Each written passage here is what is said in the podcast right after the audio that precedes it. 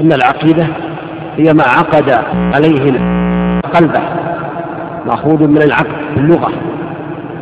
قد يكون هذا العقد على باطل قد يكون على حق. فإذا عقد المسلم قلبه على عقيدة سليمة صحيحة فهذا هو المطلوب من كل مسلم. أما إذا عقد بعض الناس قلبه على عقيدة باطلة فاسدة فهي عقيدة باطلة. ومن أهم الكتب ومن أجلها ومن أعظمها ومن أنفعها للناس بعد كتاب الله تعالى وهي مأخوذة من كتاب الله تعالى العقيدة الواسطية. لشيخ الإسلام أحمد بن عبد السلام بن تيمية رحمه الله تعالى قد نفع الله بعلمه ورفع مكانته ونور قلبه ونفع الإسلام والمسلمين. وهي عقيدة نافعة مفيدة كتبها كما يذكر بعد العصر لرجل من واصل جاء إليه وقال يريد أن يكتب له عقيدة لقومه في واصل في الشام. فكتبها شيخ الإسلام ابن تيمية رحمه الله تعالى إملاء من حفظه. هذه الآيات وهذه الأحاديث إملاء من حفظه وشمل أنواع التوحيد وأنواع العقيدة في هذا الكتيب وإن كان التركيز في هذا الكتاب على الأسماء والصفات وأركان العقيدة الإسلامية. لا شك أن الكلام يقول في ذكر هذه العقيدة وفضائلها ونستمع جميعا إن شاء الله إلى ما يقرأ في هذه العقيدة الواسطية وبالله التوفيق. نعم. بسم الله الرحمن الرحيم. اللهم اغفر لنا ولشيخنا وللحاضرين وأعز اللهم الإسلام والمسلمين. قال شيخ الإسلام أحمد بن تيمية رحمه الله تعالى في كتابه العقيدة الواسطية. بسم الله الرحمن الرحيم. الحمد لله الذي أرسل رسوله بالهدى ودين الحق ليظهره على الدين كله وكفى بالله شهيدا. وأشهد أن لا إله إلا الله وحده لا شريك له إقرارا به وتوحيدا. وأشهد أن محمدا عبده ورسوله صلى الله عليه وعلى آله وصحبه وسلم تسليما مزيدا. أما بعد فهذا اعتقاد الفرقة الناجية المنصور. نعم، المؤلف ابتدى رحمه الله تعالى بالبسملة اقتداء بكتاب الله تعالى. واقتداء بالنبي عليه الصلاة والسلام في مكاتباته فإن العبد المسلم إذا أراد أن يبتدي بكلامه فعليه أن يبتدي بهذه البسملة. بسم الله إذا كانت يقصد القراءة يقول بسم الله أقرأ. المعنى يعني على تقدير محذوف فعل محذوف. وإذا كان يركب قال بسم الله المعنى بسم الله أركب. إذا كان يأكل بسم الله أي بسم الله آخر. وهكذا على تقدير المحذوف الذي يحتاجه المسلم في هذه التسمية. وابتدأ كذلك الحمد كتابه بالحمد لله الذي أرسل رسوله عليه الصلاة والسلام. الحمد هو الثناء على الله تعالى وهذا ينبغي للعبد أن يبدأ بالبسملة والحمد له حتى يكون كلامه مباركا كلامه تاما غير مقطوع لأن من لم يبدأ كلامه بالبسملة أو بالحمدلة فيكون معدوم البركة حتى وإن لم يكن في حديث صحيح وإنما فيه روايات لكن هذا المعنى وارد فالمسلم عليه أن يعلم. فابتدأ رحمه الله تعالى بالحمد ثم بين بأن مما يحمد عليه إرسال هذا الرسول عليه الصلاة والسلام أرسله بالهدى ودين الحق. الهدى هو العلم النافع. ودين الحق هو العمل الصالح. ليظهره على الدين كله وكفى بالله شهيدا. يظهره على سائر الأديان أديان السابقة وكذلك ثم قال أشهد أن لا إله إلا الله وحده لا شريك له إقرارا به وتوحيدا. والخلاصة أنه شهد أن لا إله إلا الله بمعنى لا معبود حق إلا الله والنبي عليه الصلاة والسلام شهد أن محمد رسول الله لأنها قرينة هذه الشهادة. والمعنى الاعتقاد الجازم أن محمدا عليه الصلاة والسلام هو رسول الله حقا للثقلين لا نبي بعده صلوات الله وسلامه عليه. نعم. أما بعد فهذا اعتقاد الفرق تحتاج الكلام إلى تفصيل لأن هذه العقيدة يعني لو شرحت كما ينبغي كما أراد مؤلفها رحمه الله لأخذت يعني أياما طويلة. ولكن هذه على حسب اختار الإخوان تعليقات. يعني نستمع هذا الكلام الواضح البين وإن حصل تعليقات يسيرة فلا بأس. نعم. أما بعد فهذا اعتقاد الفرقة الناجية المنصورة إلى قيام الساعة أهل السنة والجماعة وهو الإيمان بالله وملائكته وكتبه ورسله والبعث بعد الموت والإيمان بالقدر خيره وشره ومن الإيمان بالله الإيمان. بدأ كلامه هذا اعتقاد الفرقة الناجية المنصورة. سميت منصورة لأنها الفرقة الناجية أي الناجية من النار لأن النبي عليه الصلاة والسلام بين بأن الناس افترق اليهود على 71 فرقة كلها في النار إلا واحدة. وافترقت النصارى على 72 فرقة كلها في النار إلا واحدة. وستفترق هذه الأمة على 73 فرقة ثم قال والذي نفس محمد بيده لتفترقن على 73 فرقة كلها في النار إلا واحدة. فسئل عليه الصلاة والسلام عن هذه الواحدة فقال هم من كان على مثل ما أنا عليه وأصحابي فمن أراد أن يعرف أهل السنة ومن أراد أن يعرف الفرقة الناجية منهم الناجية من النار فهم من كان على مثل ما كان عليه محمد بن عبد الله عليه الصلاة والسلام وأصحابه. هذا هذا تمييز هذا تعريف دقيق عرفه رسول الله عليه الصلاة والسلام هم من كان على مثل ما أنا عليه وأصحابي.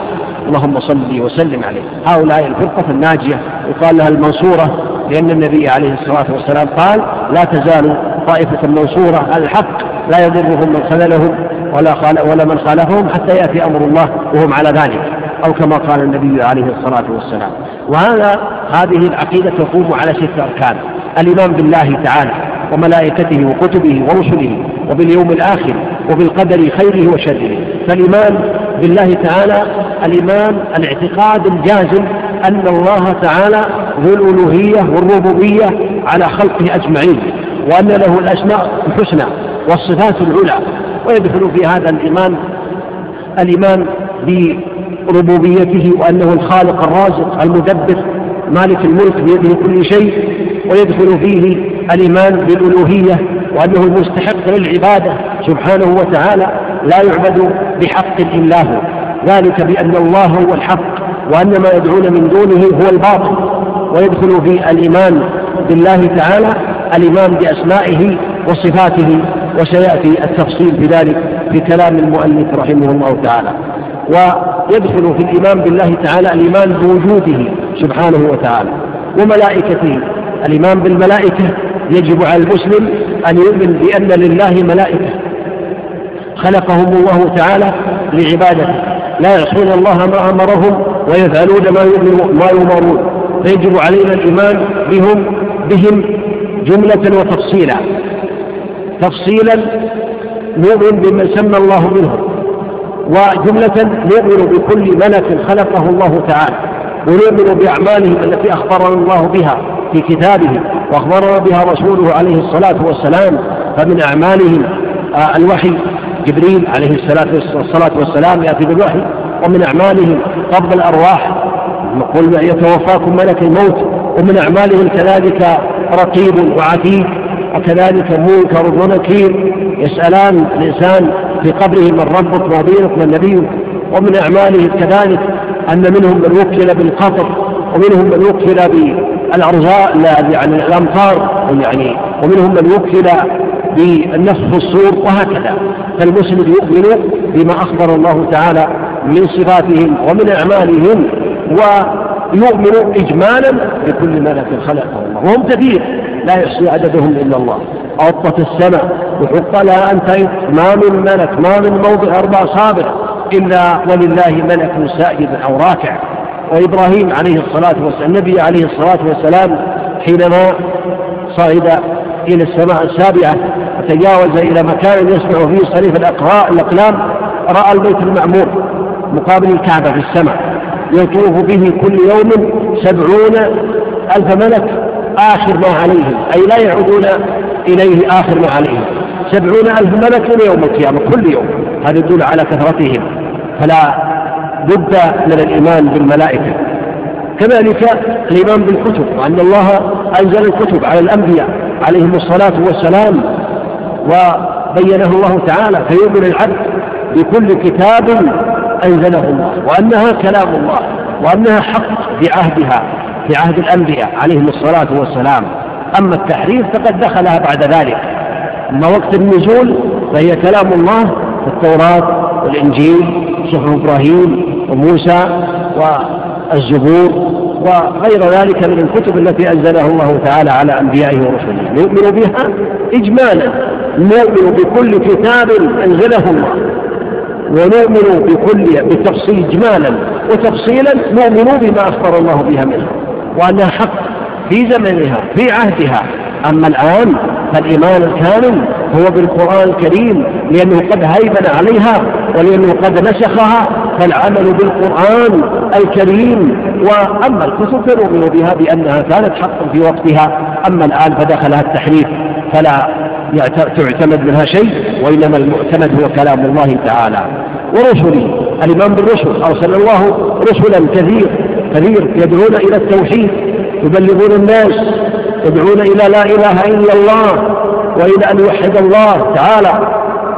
ويعرفون الناس بربهم كل الأنبياء دينهم واحد دين التوحيد. وعددهم لا يحصيه إلا الله. ونؤمن بهم إجمالا. نؤمن بكل رسول أرسله الله. وتفصيلا نؤمن بكل رسول ذكره الله تعالى. قد ذكر الله تعالى منهم في القرآن خمسة وعشرين نبيا. والإيمان الكامل هو بما جاء به النبي عليه الصلاة والسلام لأنه نسخ شرائعهم. صلوات الله وسلامه عليه دينه ونسخ الشرائع وهم نؤمن بأن الله أرسله وأنهم قاموا وأدوا الواجب وبلغوا ما أخبرهم الله تعالى به وهكذا. الإيمان بالكتب والرسل.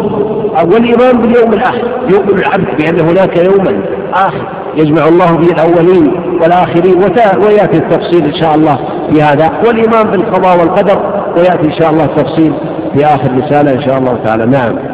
ومن الإيمان بالله الإيمان بما وصف به نفسه في كتابه وبما وصفه به رسوله من غير تحريف ولا تعطيل ومن غير تكييف ولا تمثيل بل يؤمنون بأن الله سبحانه ليس كمثله شيء وهو السميع البصير فلا ينفون عنه ما وصف به نفسه ولا يحرفون الكلم عن مواضعه ولا يلحدون في أسماء الله وآياته ولا يكيفون يشبهون ولا يمثلون صفاته بصفات خلقه لأنه سبحانه لا سميع لا سمي له ولا كفء له ولا, ولا ند له ولا يقاس بخلقه سبحانه وتعالى. فإنه أعلم سبحانه بنفسه وبغيره وأصدق قيلا. وأحسن حديثا من خلقه ثم رسل ثم رسله صادقون مصدقون بخلاف الذين يصدقون ثم رسله صادقون.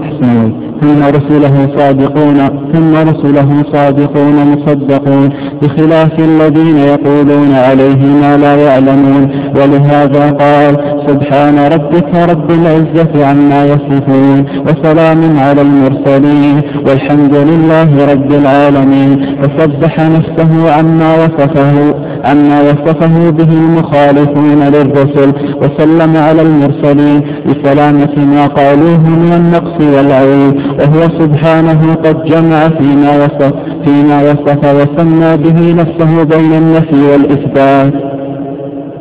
فلا عدول لأهل السنة والجماعة عما جاء به المرسلون فإنه الصراط المستقيم صراط, صراط الله الذي أنعم صراط الذين أنعم الله عليهم من النبيين والصديقين والشهداء والصالحين.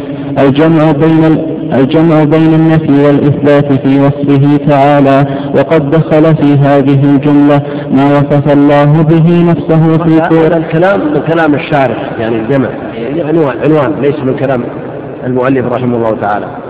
بعد أن ذكر أركان الإيمان المؤلف رحمه الله تعالى قال ومن الإيمان بالله الإيمان بما وصف به نفسه في كتابه وبما وصف به رسوله صلى الله عليه وسلم من غير تعطيل ولا تحريف ولا تكييف ولا تمثيل هذا من الإيمان بالله الإيمان بما وصف الله به رسوله عليه الصلاة به به نفسه.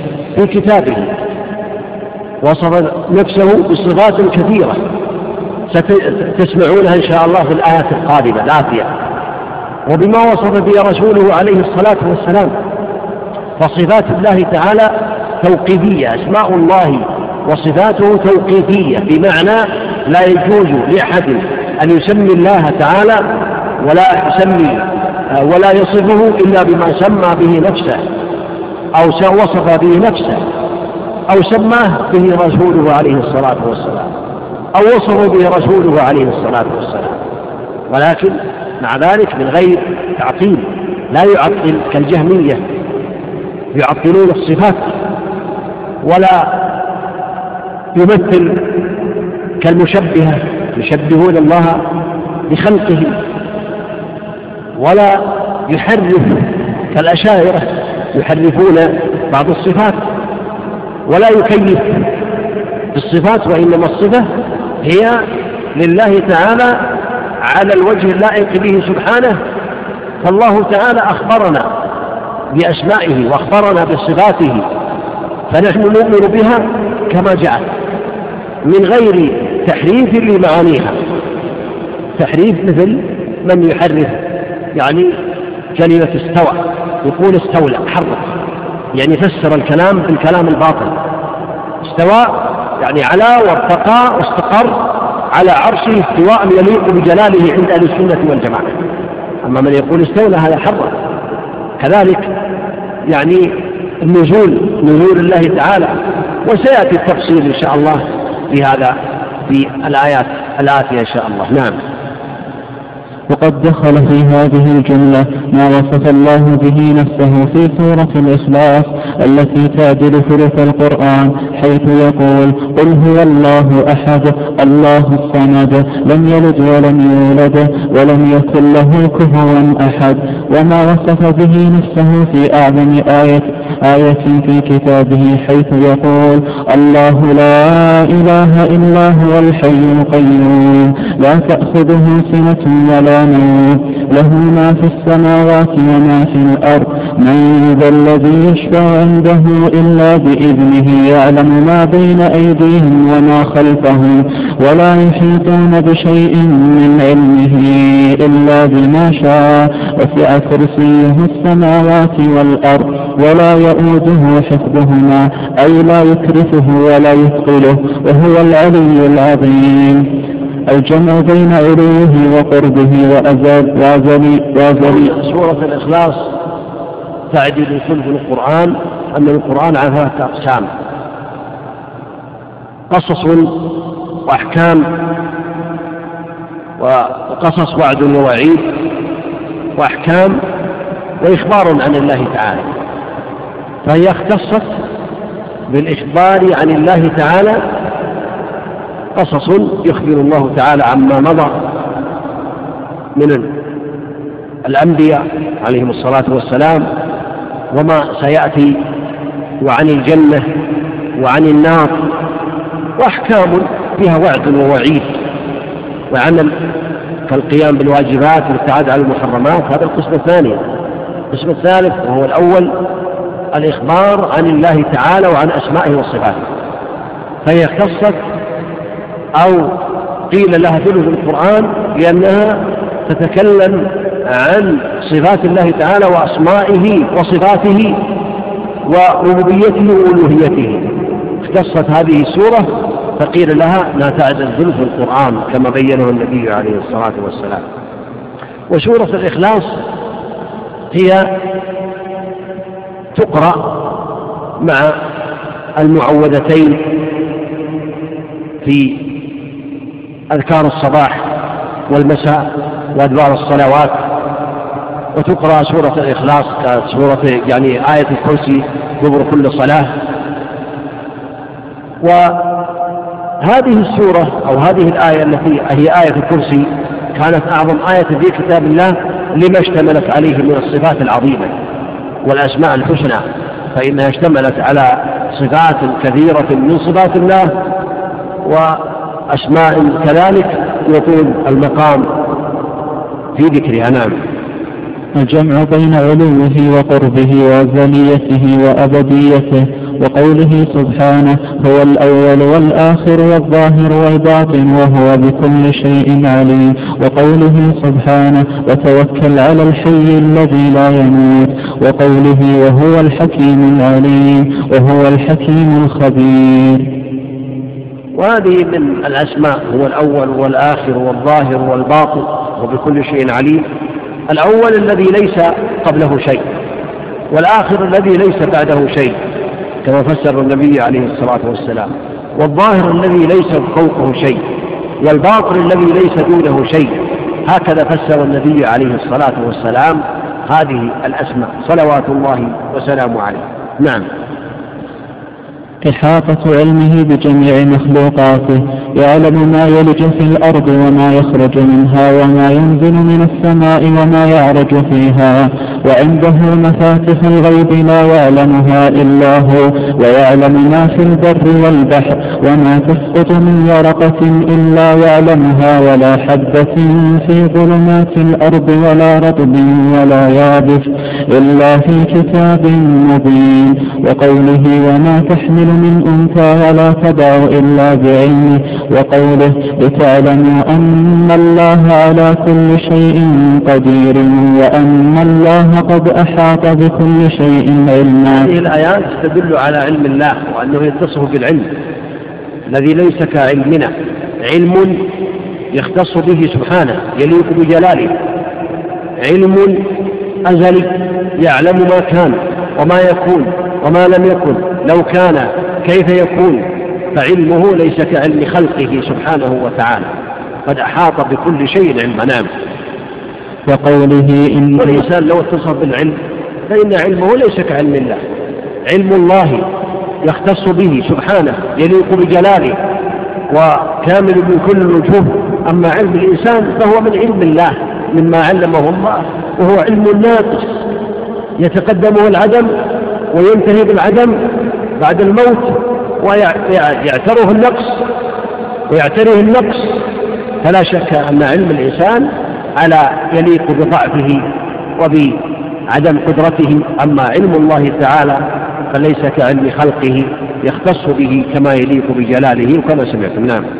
وقوله إن الله هو الرزاق ذو القوة المتين. إثبات السمع والبصر لله سبحانه وقوله ليس هذا إثبات يعني الرزق لله تعالى أنه هو الرزاق ذو القوة من الصفات المتين كذلك شديد القوة. نعم.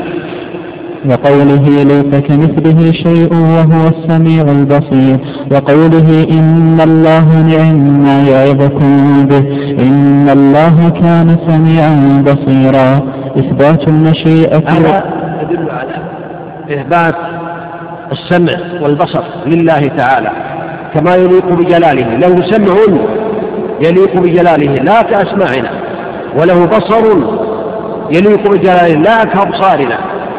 يزيل الإشكال عند بعض الناس حينما يفكر أن يعلم بأن الله تعالى له صفات لا كصفات خلقه له سمع لا كأسماعنا له بصر لا كأبصارنا يليق بجلاله سبحانه وتعالى يسمع كل شيء ولا يخفى عليه شيء يبصر كل شيء في مشارق الأرض ومغاربها بل في أعماق البحار وفي أوساط الحجارة وما في القلوب لا يخفى عليه خافية أما بصر الإنسان فهو محدود وكذلك سمعه محدود. إذا علم الله إذا سمع الله تعالى يليق بجلاله سبحانه لا كأسماعنا وبصره سبحانه وتعالى يليق بجلاله لا كأبصارنا. نعم. إثبات المشيئة والإرادة لله سبحانه وقوله ولولا إذ دخلت جنتك قلت ما شاء الله لا قوة إلا بالله وقوله ولو شاء الله ما اقتتلوا ولكن الله يفعل ما يريد وقوله أحلت لكم بهيمة الأنعام إلا ما يتلى عليكم غير محل الصيد وأنتم حرم إن الله يحكم ما يريد وقوله فمن يرد الله أن يهديه يشرح صدره للإسلام ومن يرد أن يضله يجعل صدره ضيقا حرجا كأنما يصعد في السماء. إثبات محبة الله ومودته لأولاد إرادة الله تعالى نوعان. إرادة كونية وإرادة شرعية. كونية قدرية وإرادة شرعية. فالإرادة الكونية ترادف المشيئة. ما من شيء إلا أراده الله تعالى وشاءه سواء كان من إيمان المؤمن أو من كفر الكافر. وإرادة شرعية وهي تتعلق بما يحبه الله تعالى. فتجتمع الإرادة الكونية في إيمان المؤمن وكفر الكافر. فإيمان المؤمن أراده الله تعالى كونا وقدرا وشرعا فطابقت أما الكافر فتنفرد أراده الله تعالى كونا وقدرا ولم يريده شرعا. ولهذا قال الله تعالى يريد الله بكم اليسر ولا يريد بكم العسر هذا إرادة شرعية. أما الإرادة الكونية القدرية قوله تعالى فمن يريد الله أن يهديه يشرح صدره الإسلام ومن يريد أن يضله يجعل صدره ضيقا حرجا. ولا شك أن الله لا يظلم أحدا من خلقه. خلق العباد ويعلم ما يعملون بعلمه الأزلي السابق ودلهم على طريق الخير. وحذرهم من طريق الشر سبحانه وتعالى ومع ذلك ينبغي للمؤمن أن يسأل الله تعالى أن يوفقه وأن يهديه ما تشاءون إلا أن يشاء الله رب العالمين. ولهذا قال لمن شاء منكم أن يستقيم وما تشاءون إلا أن يشاء الله رب العالمين. نعم.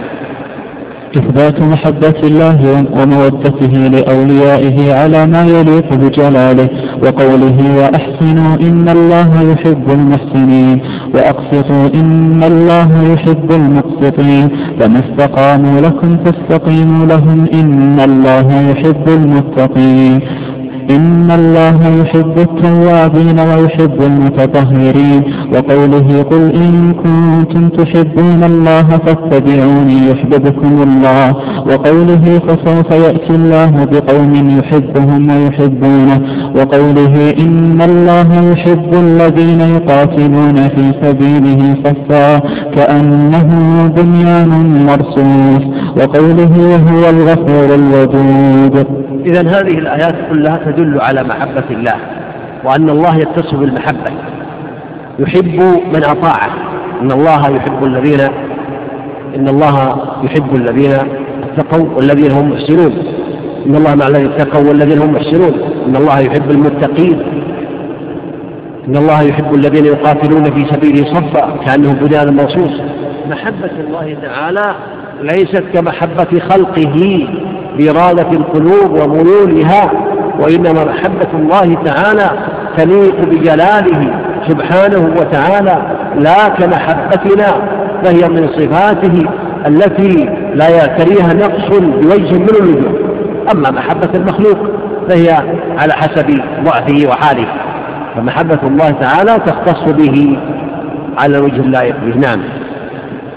إثبات اتصافه بالرحمة والمغفرة سبحانه وقوله بسم الله الرحمن الرحيم ربنا وسعت كل شيء رحمة وعلما وكان بالمؤمنين رحيما ورحمتي وسعت كل شيء كتب ربكم على نفسه الرحمة وهو الغفور الرحيم فالله خير حافظا وهو أرحم الراحمين ذكر رضا الله وغضبه وسخطه هذا يدل على اتصاف الله تعالى بالرحمة.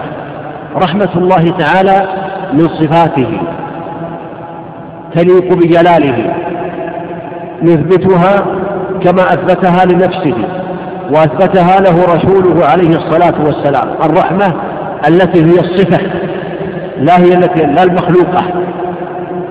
لأن الله خلق مئة رحمة أنزل منها رحمة بها يتراحم العباد حتى ترفع الدابة حافرها عن ولدها. واحتفظ عنده بتسع وتسعين رحمة. هذه من الرحمة المخلوقة أما الرحمة التي هي صفته سبحانه وتعالى فهي تليق بجلاله سبحانه. لا كرحمة خلقه ولا تؤول كما يؤولها الفرقة الضالة. يؤولونها لأمور أخرى. رحمة بإرادة الإنعام كما يقولون وإنما هي رحمة الله تعالى تليق بجلاله على الوجه اللائق به لا كرحمتنا وإنما هي رحمة خاصة به من رحمه بها كان سعيدا في الدنيا والآخرة. نعم. ذكر رضا الله وغضبه وسخطه وكراهيته وأنه متصف بذلك. وقوله رضي الله عنهم ورضوا عنه ومن يقتل مؤمنا متعمدا فجزاؤه جهنم خالدا فيها وغضب الله وغضب الله عليه ولعنه وقوله ذلك بأنهم اتبعوا ما أسقط الله وكرهوا رضوانه وقوله فلما آسفونا انتقمنا منهم وقوله ولكن كره الله انبعاثهم فثبتهم الآيات التي تدل على صفات الله تعالى. صفات من صفات الله تعالى الرضا يرضى من صفاته الفعلية لأن الصفات تنقسم إلى قسمين صفات ذاتية تلازم الله تعالى كصفة الوجه واليد والقدم والاستواء يعني والقدم والعلم والسمع والبصر. هذه صفات ذاتية لا تفك لا تنفك عن الله تعالى. وصفات فعلية يفعلها إذا شاء الرضا والغضب والانتقام والسخط السخط والمحبة وغير ذلك من الصفات. هذه يقال لها الصفات الفعلية يفعلها إذا شاء. فمن صفاته الفعلية الغضب يغضب إذا شاء على الوجه اللائق به. لكنه لا يكون غضبه كغضب العباد. غضبه سبحانه وتعالى يليق بجلاله لا كغضبنا. لأن الإنسان العادي إذا غضب تغير لونه وتغير وجهه واضطرب قلبه وغير ذلك. هذه من صفات البشر. لا الله تعالى يقال أنه يغضب غضب يليق بجلاله لا كغضبنا. إذا هذا يريح الإنسان من الوقوع في ما وقع فيه المبتدعة لأنهم ينفون صفات الله حتى لا يشبهوا بخلقه. فروا من شيء فوقعوا في شر أشر منه. فلا شك أن الغضب يثبت لله تعالى واللعن يثبت لله تعالى على الوجه اللائق به كما قال تعالى في كتابه ومن يقتل مؤمنا متعمدا فجزاؤه جهنم خالدا فيها وغضب الله عليه ولعنه هذا الغضب يليق بجلال الله واللعنة تليق بجلال الله على الوجه اللائق بالله تعالى. لا كغضبنا ولا كلعننا وهي من الصفات الفعلية التي يفعلها إذا شاء. نعم.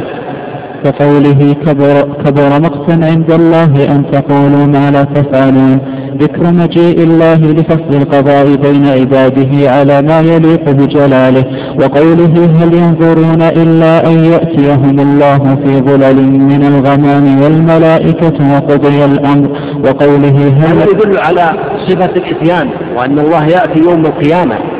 إتيان يليق بجلاله لا كأتيان البشر ومجيئهم وإنما هو يختص بجلاله سبحانه وتعالى على الوجه اللائق به. الكيفية ما أخبرنا بها. لهذا سمعتم في أول العقيدة من غير تعطيل ولا تحريف ولا تمثيل ولا تكييف. إذا من غير تكييف. الكيفية ما أخبرنا الله بها. أخبرنا بأن له وجه لكن ما أخبرنا بالوجه كيف وجهه؟ أخبرنا بأن له يد لكن ما أخبرنا بكيفية اليد. أخبرنا بأنه يغضب لكن ما أخبرنا بكيفية الغضب؟ هذه الكيفيات ما أخبرنا الله بها. إذا نؤمن بصفاته من غير تعطيل ومن غير تحريف ومن غير تكييف ومن غير تمثيل. نعم. وقوله هل ينظرون إلا أن تأتيهم الملائكة أو يأتي ربك أو يأتي بعض آيات ربك؟ وقوله كلا إذا دكت الأرض دكا دكا وجاء ربك والملك صفا صفا. وقوله ويوم تشقق السماء بالغمام ونزل الملائكة تنزيلا. إثبات الوجه لله سبحانه وقوله ويبقى وجه ربك ذو الجلال والإكرام وقوله كل شيء هالك إلا وجهه. وجهه له وجه يليق بجلاله لا في وجوهنا وإنما وجه يليق بجلاله ولا يرى هذا الوجه في الدنيا وإنما يوم القيامة. ينظرون إلى الله المؤمنون يوم القيامة كما أخبر النبي عليه الصلاة والسلام. أما في الدنيا فقد قال النبي عليه الصلاة والسلام حينما قال هل, هل رأيت ربك؟ قال نور أن أراه. أي حال بينهم نور. فوجه الله تعالى يليق بجلاله لكن ما نكيف كيف وجهه سبحانه وتعالى. ما أخبرنا بالكيفية؟ وسيراها المؤمن في الجنة يرى الله يوم القيامة عيانا كما أخبر الله تعالى أخبر النبي عليه الصلاة والسلام بذلك. نعم. إثبات اليدين لله تعالى وقوله ما منعك أن تسجد لما خلقت بيدي؟ وقوله وقالت اليهود يد الله مغلولة غلت أيديهم ولعنوا بما قالوا. له يدان تليقان بجلاله من صفاته الذاتية. فنؤمن بأن لله يدان تليق بجلاله لا كأيدينا. وإنما تليق بجلاله سبحانه وتعالى. هكذا لأن الله ما أخبرنا بالصفة. نثبت له هذه الصفة الذاتية لكن الكيفية لا نعلمها ما أخبرنا الله بها. ولهذا جاء في الأثر يعني ما السماوات السبع والأراضون السبع في كف الرحمن إلا كحبة خردلة في يد أحدكم. هذا يدل على عظمة الله. إذا ما أخبرنا الله بالكيفية. أخبرنا بأن له يدان. قالت اليهود آه يد الله مغلولة غلت أيديهم ولعنوا بما قالوا بل يداه؟ مبسوطتان أنفقا أثبت بأن له يدان. وله يدان يمين كلتا, كلتا يداه يمين. كلتا يداه يمين في الشرف والفضل. وإلا له يدين شمال ويمين لكن في الشرف والفضل كلتاها يمين. لأن الإنسان يعتري شماله النقص. أما ربنا عز وجل فله يدان كلتاهما يمين في الشرف والفضل وعدم النقص وهما تليقان بجلاله سبحانه وتعالى. نعم. بل يداه مبسوطتان ينفق كيف يشاء. إثبات العينين لله تعالى وقوله واصبر لحكم ربك فإنك بأعيننا وقوله وحملناه على ذات ألواح ودسر تجري بأعيننا جزاء لمن كان كفر. وقوله وألقيت عليك محبة مني ولتصنع على عيني إثبات السمع والبصر. هذا له عينان فليقام بجلاله. وفي الحديث الصحيح حينما أخبر النبي عليه الصلاة والسلام عن المسيح الدجال قال إنه أعور وإن ربكم ليس بأعور فدل على أن لله عينان لكنها تليق بجلاله. لا نكيف ولا نعرف كيفية عيناه أو كيفية عينيه وإنما هي له عينان تليقان بجلاله. لا نكيف ولا نمثل ولا نعطل ولا نشبه. وإنما تليق بجلاله لا كأعيننا له عينان لا كأعيننا تليق بجلاله سبحانه. نعم. إثبات السمع والبصر لله سبحانه وقوله قد سمع الله قول التي تجادلك في زوجها وتشتكي إلى الله والله يسمع تحاوركما. إن الله سميع بصير. وقوله لقد سمع الله قول الذين قالوا إن الله فقير ونحن أغنياء. وقوله أم يحسبون أنا لا نسمع سرهم ونجواهم بلى ورسلنا لديهم يكتبون. وقوله إنني معكما أسمع وأرى وقوله ألم يعلم بأن الله يرى وقوله الذي يراك حين تقوم وتقلبك في الساجدين إنه هو السميع العليم. وقوله وقل اعملوا فسيرى الله عملكم ورسوله والمؤمنون وهكذا تقدم أن لله سمع يليق بجلاله سبحانه وتعالى وبصر يليق بجلاله سبحانه وتعالى لا كأسماعنا ولا كأبصارنا يرى يبصر سبحانه وتعالى لكن هذه الرؤية وهذا الإبصار ما أخبرنا الله به سبحانه بالكيفية ما أخبرنا بالكيفية. فنحن نفوض الكيفية ولا نفوض المعنى. المعنى له سمع يسمع به سبحانه وبصر يبصر به ويرى سبحانه لكن الكيفية لا نعلمها. نعم. إثبات المكر والكيد لله تعالى على ما يليق به وقوله وهو شديد المحال وقوله ومكر ومكر الله والله خير الماكرين وقوله ومكروا مكرا ومكرنا مكرا وهم لا يشعرون وقوله إنهم يكيدون كيدا وأكيد كيدا. المكر لله تعالى وكذلك الكيد هذا من باب المقابلة والجزاء من باب قوله تعالى وجزاء سيئة سيئة مثلها. فهو يمكر بمن يمكر به يكيد بمن يكيد به يستهزئ بمن يستهزئ به سبحانه وتعالى. هذه من الصفات الفعلية التي يفعلها إذا شاء على الوجه الذي يشاء. لا نكيد وليس مكر الله تعالى ولا كيده ولا استهزائه كاستهزائنا وإنما هو يليق بجلاله سبحانه وتعالى. نعم.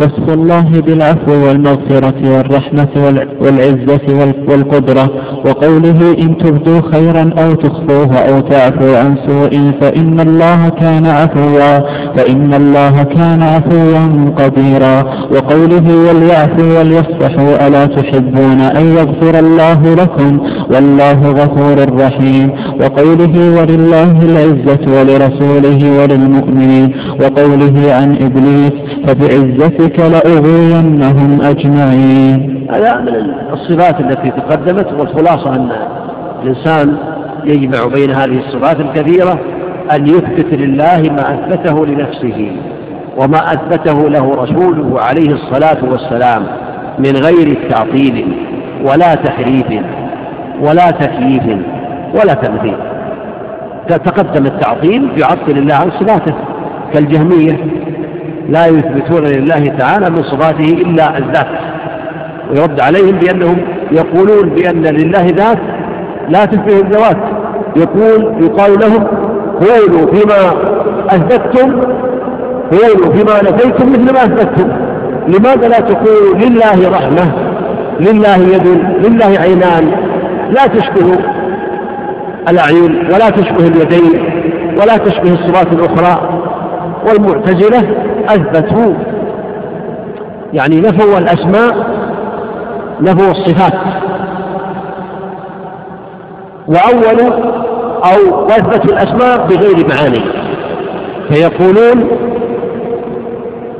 يعني ينفون الصفات ويثبتون الأسماء بغير معاني. يقولون سميع بلا سمع بصير بلا بصر رحيم بلا رحمة والعياذ بالله تعالى. بل أهل السنة والجماعة يثبتون لله تعالى الأسماء ومعانيها. رحيم ذو رحمة سميع ذو سمع بصير ذو بصر قوي ذو قوة الكريم ذو الكرم. فنثبت لله تعالى الأسماء ومعانيها. نعم. إثبات الاسم لله. عنه ما نفاه عن نفسه وما نفاه عن رسوله عليه عنه رسوله عليه الصلاة والسلام. نعم.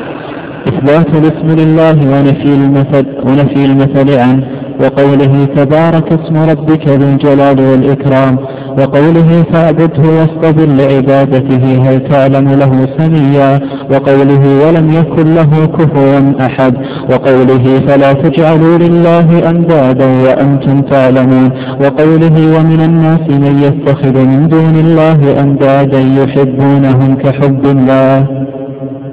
نعم. نفي الشريك عن الله تعالى وقوله وقل الحمد لله الذي لم يتخذ ولدا ولم يكن له شريك في الملك. الأمور التي تنفى التي نفاها الله عن نفسه ونفاه عنها رسوله عليه الصلاة والسلام. نعم. ولم يكن له ولي من الذل وكبره تكبيرا وقوله يسبح لله ما في السماوات وما في الأرض له الملك وله الحمد وهو على كل شيء قدير. وقوله تبارك الذي نزل الفرقان على عبده ليكون للعالمين نذيرا الذي له ملك السماوات والأرض ولم يتخذ ولدا ولم يكن له شريك في الملك وخلق كل شيء فقدره تقديرا. وقوله ما اتخذ الله من ولد وما كان معه من إله إذا لذهب كل إله بما خلق ولعلى بعضهم ولعلى بعضهم على بعض. سبحان الله عما يصفون. عالم الغيب والشهادة فتعالى عما يشركون. وقوله فلا تضربوا لله الأمثال. إن الله يعلم وأنتم لا تعلمون. وقوله قل إنما حرم ربي الفواحش ما ظهر منها وما بطن والإثم والبغي بغير الحق وأن تشركوا بالله ما لم ينزل به سلطانا وأن تقولوا على الله ما لا تعلمون. إثبات إثبات استواء الله على عرشه وقوله وقوله الرحمن على عرش الرحمن على العرش استوى. في سبع مواضع في سورة الأعراف في قوله إن ربكم الله الذي خلق السماوات والأرض في ستة أيام ثم استوى على العرش الرحمن الرحمن على العرش استوى إثبات صفة الاستواء وهي تليق بجلال الله تعالى معناها الاستقرار ومعناها الارتقاء والعلو فهو استواءه يليق بجلاله سبحانه ليس كاستواء خلقه. الذي يستوي على المركوب يستوي على السيارة على الفرس على الدابة. هذا صفة مخلوق لكن استواء الله تعالى استواء يليق بجلاله سبحانه وتعالى لا كاستواء خلقه سبحانه وتعالى. نعم.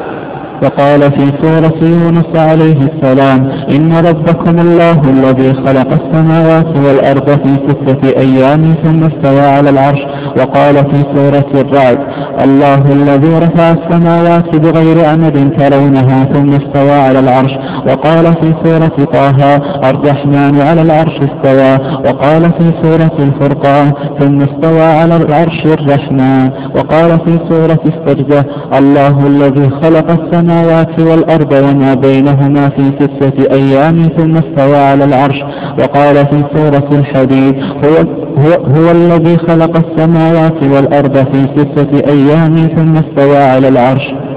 سبعة مواضع ذكر الله فيها الاستواء على العرش.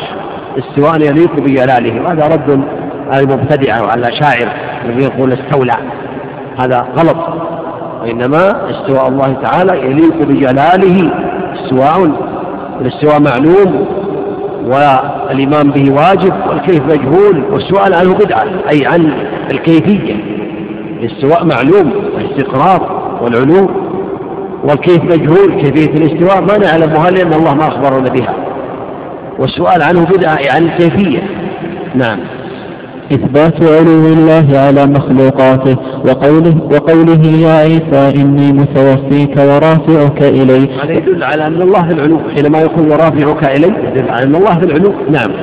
وقوله بل رفعه الله إليه وقوله إليه يصعد الكلم الطيب والعمل الصالح يرفعه وقوله يا هامان ابن لي صرحا لعلي أبلغ الأسباب أسباب السماوات فأطلع إلى إله موسى وإني لأظنه كاذبا وقوله أأمنتم من في السماء أن يخسف بكم الأرض فإذا هي تمور أم أمنتم من في السماء أن يرسل عليكم حاصبا فستعلمون كيف نذير هذه الآيات تدل على أن الله في العلو تدل على أن الله في العلو إلى يصعد الكلم الطيب يدل على أنه يصعد إلى من في العلو سبحانه وتعالى.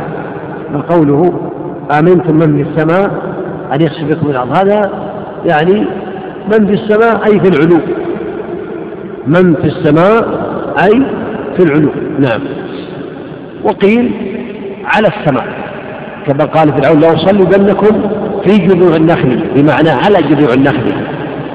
فالاستواء أو في السماء يراد به إن أريد به في العلو فهو من في السماء أي في العلو. وإن أريد به على السماء فهو مستوي على العرش استواء يليق بجلاله سبحانه. نعم. إثبات معية الله لخلقه هو وقوله هو الذي خلق السماوات والأرض في ستة أيام ثم استوى على العرش. يعلم ما يلج في الأرض وما يخرج منها وما ينزل من السماء وما يعرج فيها. وهو معكم أينما كنتم والله بما تعملون بصير. وقوله ما يكون من نجوى ثلاثة معية الله تعالى معيتان. معية عامة ومعية خاصة. المعية العامة مع كل الناس مع المخلوقات كلها بعلمه وإحاطته وقدرته. سبحانه وتعالى هذه المعية العامة معية خاصة للمؤمنين. إن الله مع الذين اتقوا والذين هم محسنون. معية النصرة معية التوحيد معية الإلهام معية التسديد هذه يقال لها معية خاصة. فالمعية العامة مع الجميع مع جميع المخلوقات. والمعية الخاصة تختص بالمؤمنين فيها النصرة فيها التسديد فيها الإلهام وفيها غير ذلك من الأمور التي يحبها المسلم. نعم. معية خاصة. نعم. فهو معنا سبحانه وتعالى بعلمه وهو مستوى على عرشه سواء يليق بجلاله. وهو معنا بقوته وقدرته وإحاطته وهو مستوى على العرش هذا قال المعية العامة. أما من يقول إن الله في كل مكان هذا حلولي نسأل الله العفو والعافية. الله يقول الرحمن على العرش استوى ويكون في كل مكان. هذه معية خاصة والمعية العامة. فرق بين المعية الخاصة والعامة. مع المؤمنين مع المتقين مع المحسنين بعلمه وتوفيقه وتسديده وإحسانه. والمعية العامة هي معية العلم والإحاطة والقدرة. نعم. وقوله ما يكون من نجوى ثلاثة إلا هو رابعهم ولا خمسة إلا هو سادسهم ولا بعلمه وقدرته وإحاطته نعم. ولا أدنى من ذلك ولا أكثر إلا هو معهم أينما كانوا. ثم ينبئهم بما عملوا يوم القيامة.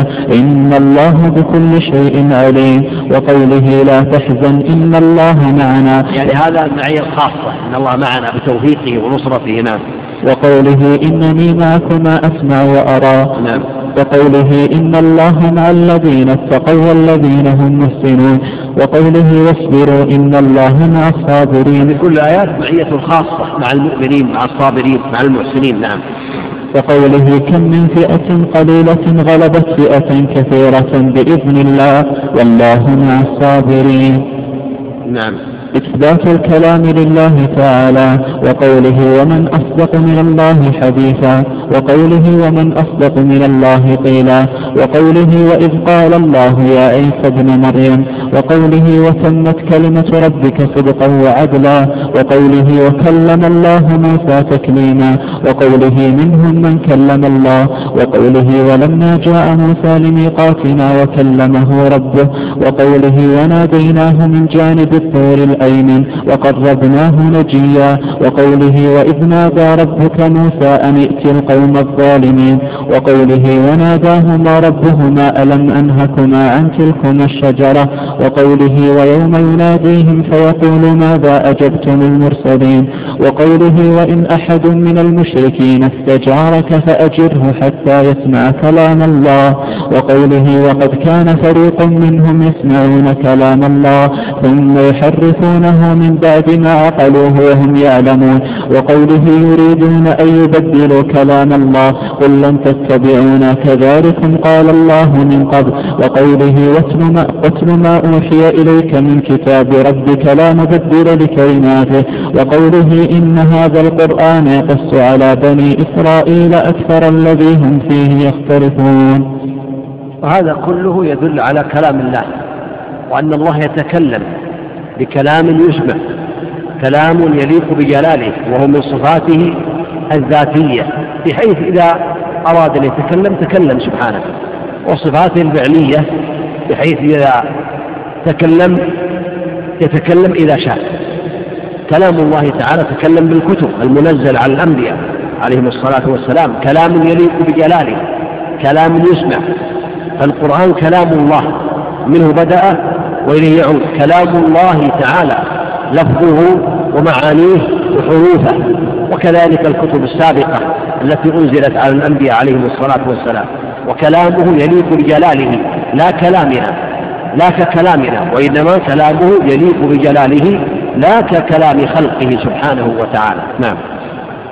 إثبات تنزيل القرآن من الله تعالى وقوله وهذا كتاب أنزلناه مبارك وقوله لو أنزلنا هذا القرآن على جبل لرأيته خاشعا متصدعا من خشية الله وقوله وإذ وإذا بدلنا آية مكان آية والله أعلم بما ينزل قالوا إنما أنت مفتر بل أكثرهم لا يعلمون قل نزله روح القدس. قل نزله روح القدس من ربك بالحق ليثبت الذين آمنوا وهدى وبشرى للمسلمين. ولقد نعلم أنهم يقولون إنما يعلمه بشر لسان الذي يلحدون إليه آجمي وهذا لسان عربي مبين. إثبات رؤية المؤمنين لربهم القرآن نزله الله تعالى تكلم به سبحانه وسمعه جبريل وأنزله الله تعالى يدل على علو الله تعالى وأن الله في العلو والقرآن أنزله الله تعالى وسمعه جبريل من الله وسمعه النبي عليه الصلاة والسلام من جبريل فهو كلام الله تعالى. لفظه وحروفه ومعانيه منه بدأ وإليه يعود. نعم. إثبات رؤية المؤمنين لربهم يوم القيامة وقوله وجوه يومئذ ناظرة إلى ربها ناظرة. ناظرة ناظرة أي مشرقة مضيئة وناظرة أي بالأبصار. ينظرون إلى الله تعالى يوم القيامة كما بين النبي عليه الصلاة والسلام في ذلك أحاديث منها إنكم سترون ربكم كما ترون الشمس. لا تضامون في رؤيتها وشاء القمر. لا تضامون في رؤيته أو كما قال النبي عليه الصلاة والسلام. نعم. وقوله على الأرائك ينظرون وقوله للذين إلى الله تعالى نعم. وقوله للذين أحسنوا الحسنى وزيادة وقول الجنة وزيادة النظر إلى وجه الله الكريم نعم. وقوله لهم ما يشاءون فيها ولدينا مزيد. ما يشاءون وقيل المزيد هو النظر إلى وجه الله الكريم نعم. وهذا الباب في كتاب الله كثير. من تدبر القرآن طالبا للهدى منه تبين له طريق الحق. نعم. فصل في أسماء الله وصفاته في سنة رسول الله صلى الله عليه وسلم. المؤلف رحمه الله تعالى عرف مذهب أهل السنة والجماعة بأنهم يؤمنون بما أخبر الله به بما وصف الله به نفسه ووصف به رسوله عليه الصلاة والسلام وينفون عنه ما نفاه عنه رسوله عليه الصلاة والسلام ما نفاه الله عن نفسه ونفاه عن رسوله عليه الصلاة والسلام. من غير تحريف من غير تعطيل ولا تحريف ولا تكييف ولا تنفيذ ثم جاء بالآيات.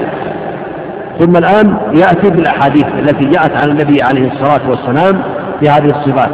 وربما تكون مكررة يعيد السمع يعيد البصر لأنه ثبت في الحديث ثبت في القرآن. فهو رحمه الله تعالى ثنى بهذه العقيدة عناية فائقة. رحمة الله عليه. نعم. ثم في ثم في سنة رسول الله صلى الله عليه وسلم. فالسنة تفسر القرآن نعم. وتبينه وتدل عليه وتعبر عنه. وما وصف الرسول به ربه عز وجل من الأحاديث الصحاح التي تلقاها أهل المعرفة بالقبول. وجب الإيمان بها كذلك. فمن ذلك ثبوت النزول الإلهي إلى سماء إلى السماء الدنيا على ما على ما يليق بجلاله. مثل قوله صلى الله عليه وسلم. ينزل ربنا إلى السماء الدنيا كل ليلة حين يبقى ثلث الليل الآخر فيقول من يدعوني فأستجيب له من يسألني فأعطيه من يستغفرني فأغفر له. متفق عليه. هذا يدل على نزول الله تعالى. نزوله في الثلث الآخر من الليل. على الوجه اللائق به. كذلك نزوله كذلك بعرفات يوم عرفات على الوجه اللائق به سبحانه. نزول يليق بجلال الله ويطبق عليه النزول معلوم. والكيف مجهول والإيمان به واجب أي بالنزول. والسؤال عنه بدعة أي عن الكيفية وهذا يطبق على جميع الصفات. الوجه معلوم والإيمان به واجب والكيف مجهول. والسؤال عنه بدعة عن الكيفية. اليدان معلومتان. والإمام به واجب والكيف مجهول والسؤال عنه بدعة أي عن الكيفية وهكذا. يطبق هذا على جميع الصفات. نعم. إثبات أن الله يفرح ويضحك ويعجب وقوله صلى الله عليه وسلم والله أشد فرحا بتوبة عبده المؤمن التائب من أحدكم براحلته. متفق عليه. وقوله صلى الله عليه وسلم على فرح. الله لكنه فرح يليق بجلاله لا كفرحنا. يليق بجلاله سبحانه. نعم. وقوله صلى الله عليه وسلم يضحك الله إلى رجلين يقتل أحدهما الآخر, الآخر كلاهما يدخل الجنة متفق عليه. هذا الرجلان رجل مسلم قتل كافر. ثم أسلم هذا الكافر فجاهد في سبيل الله فقتل. هذا يثير العجب. فالله تعالى ضحك من هذا العمل. لكن ضحك الله تعالى يليق بجلاله. الضحك معلوم والإيمان به واجب والكيف مجهول والسؤال عنه بدعة أي عن الكيفية. والضحك لله يضحك لكن ما أخبرنا كيفية الضحك البشر إذا ضحك يعني بدت أنيابه بدت يعني آه، نواجذه. لكن الله تعالى ما أخبرنا بالكيفية. أخبرنا بأنه يضحك لكن الكيفية ما أخبرنا بها. فهو يضحك ضحك يليق بجلاله لا كضحك المخلوقين. نعم.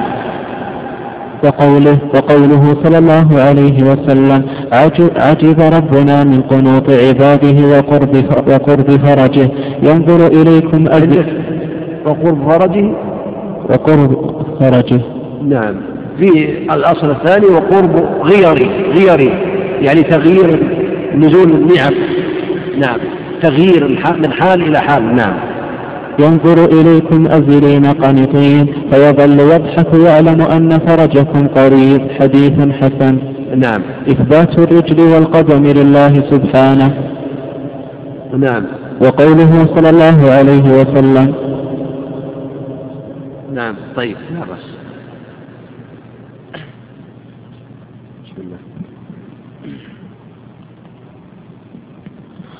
الله أكبر. الله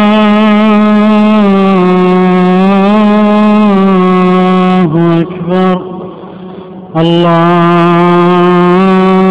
أكبر. الله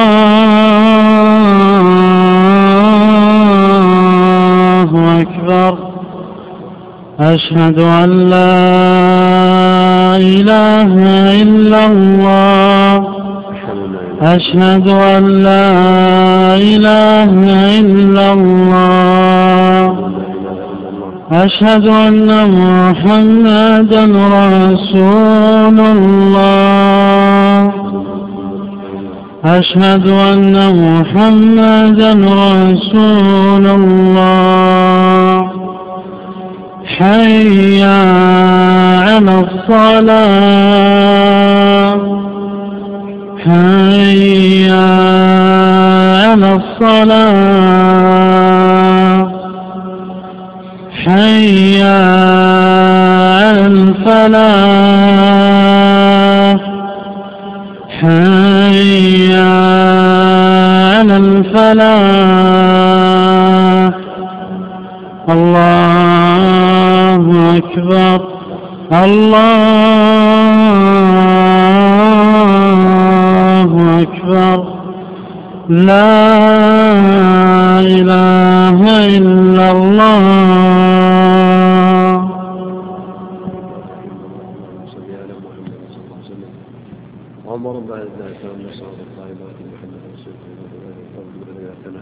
نعم. إثبات الرجل والقدم لله سبحانه وقوله صلى الله عليه وسلم لا تزال جهنم يلقى فيها وهي تقول هل من مزيد حتى يضع رب العزة فيها رجله وفي رواية عليها قدمه فينزوي بعضها إلى بعض فتقول قد قد متفق عليه. له رجل تليق بجلاله لا كان الرجل الرجل معلومة والإمام بها واجب. والكيف مجهول والسؤال عن الكيفية بدعة. فله رجل تليق بجلاله سبحانه وتعالى نعم. إثبات النداء والصوت والكلام له سبحانه وقوله صلى الله عليه وسلم يقول تعالى يا آدم فيقول لبيك وسعديك فينادي بصوت إن الله يأمرك أن تخرج من ذريتك بعثا إلى النار متفق عليه. وقوله ما منكم من أحد إلا سيكلمه ربه وليس بينه وبينه ترجمان. نعم. تقدم الكلام نعم. إن الله يتكلم كلاما يليق بجلاله نعم.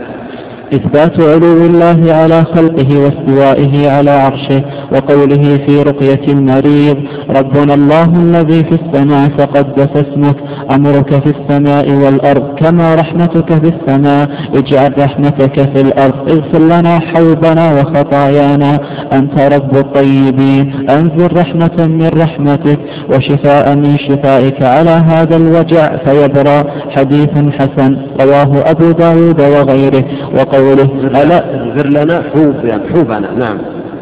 من نعم وقول وقوله وقوله ألا تأمنونني وأنا, وأنا أمين من في السماء؟ حديث حسن حديث تقدم تقدم علو الله تعالى. المؤلف أعاد هذا لأنه ورد في السنة كما ذكر ما جاء في القرآن. نعم. وقوله والعرش فوق الماء والله فوق العرش وهو يعلم ما أنتم عليه.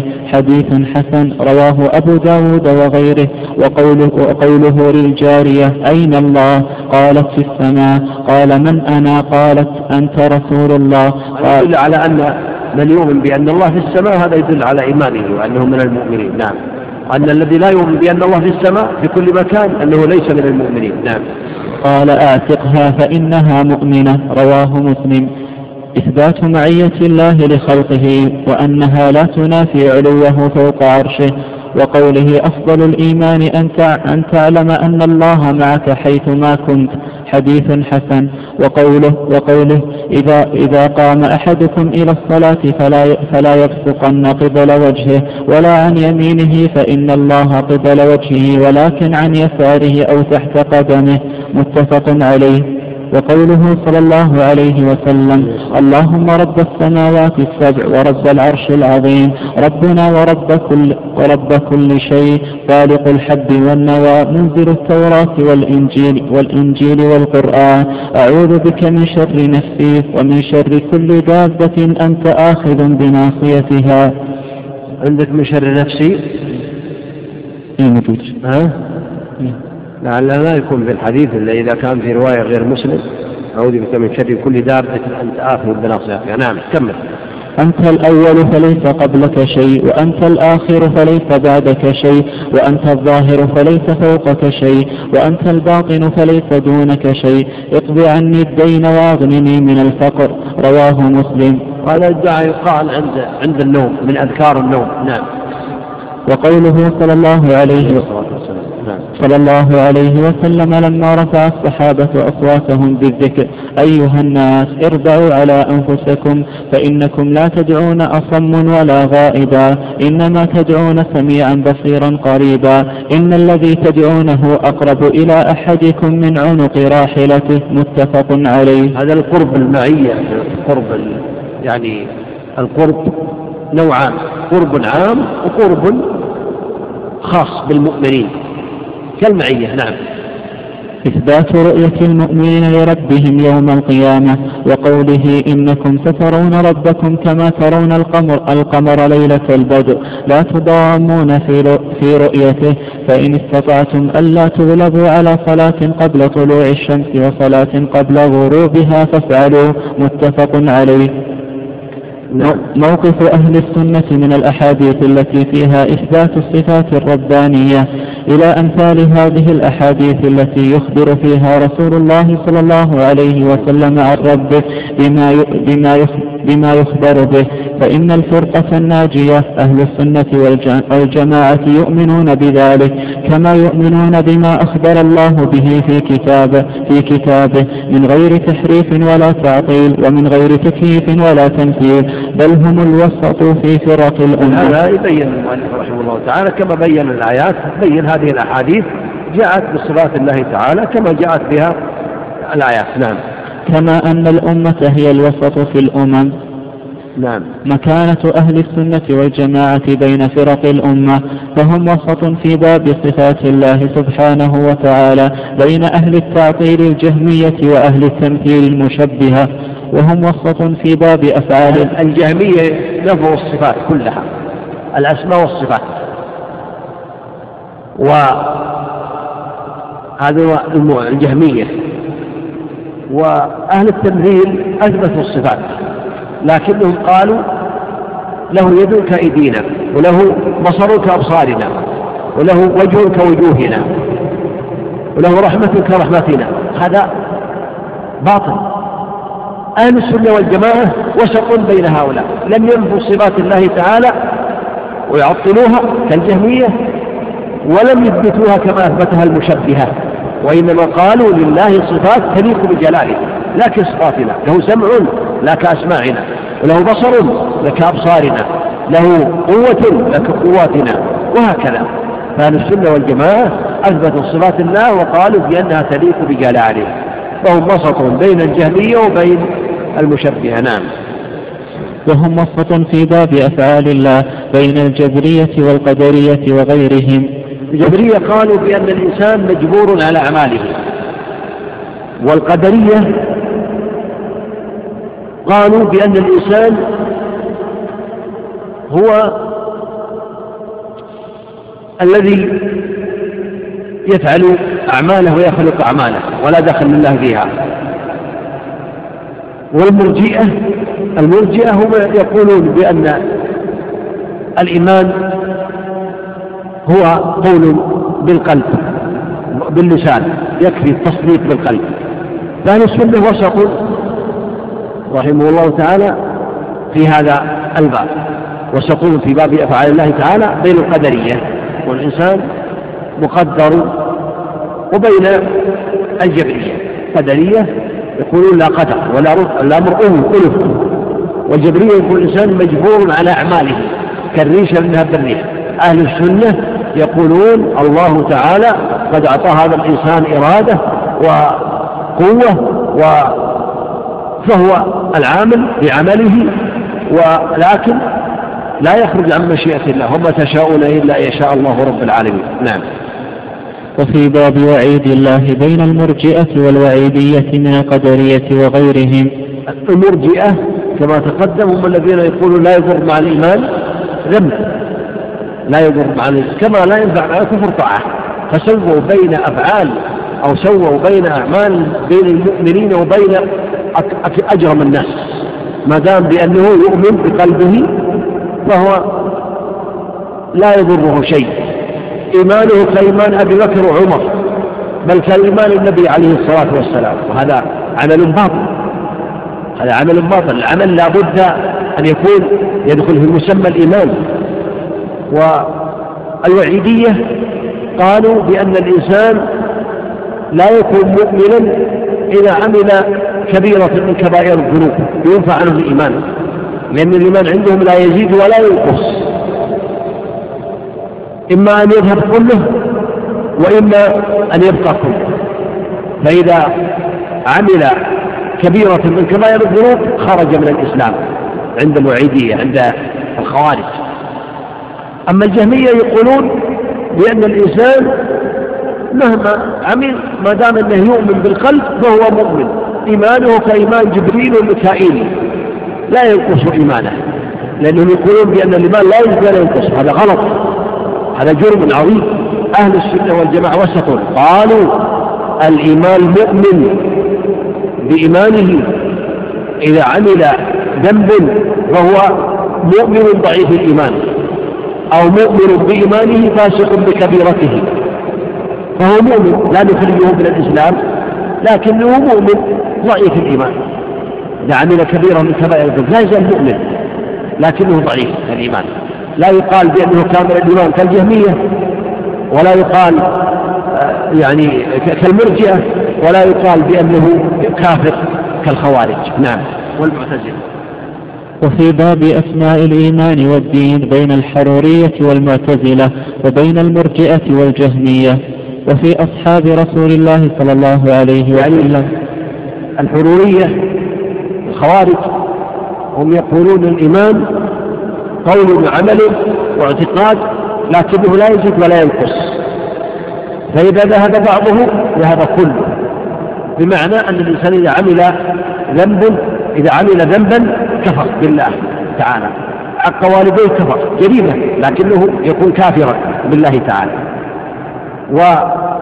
والمعتزلة يقولون بأنه يخرج إذا عمل كبيرة من كبائر الذنوب يخرج من الإيمان لكنه لا يدخل في الكفر. واتفق الخوارج مع المعتزلة بأن فاعل الكبيرة من كبائر الذنوب يكون خالدا مخلدا في النار مع اليهود والنصارى والمشركين ولا يخرج منها أبد الآباد ما دام أنه عمل معصية من المعاصي. واتفقوا معهم بأنه يخرج من الإيمان. لكن المعتزلة قالوا خرج من الإيمان ولم يدخل بالكفر في منزلة بين المنزلتين. أما المؤمنون أهل السنة والجماعة فقالوا من عمل معصية فهو يكون فاسق بمعصيته مؤمن ضعيف الإيمان مؤمن ضعيف الإيمان أو مؤمن بإيمان فاسق بكبيرته. ولا يخلدون في النار بل يقولون تحت مشيئة الله. إن شاء الله غفر له بدءا وإن شاء الله عذب في النار ثم أخرجه منها بشفاعة الشافعين أو بفضله ورحمته سبحانه. هكذا يقول أهل السنة والجماعة. نعم. وفي أصحاب رسول الله صلى الله عليه وسلم بين الرافضة والخوارج. الروافض يقولون يسبون أصحاب النبي عليه الصلاة والسلام. الروافض هم الذين يغلون في علي وأهل البيت. ويسبون الثلاثة الخلفاء الثلاثة.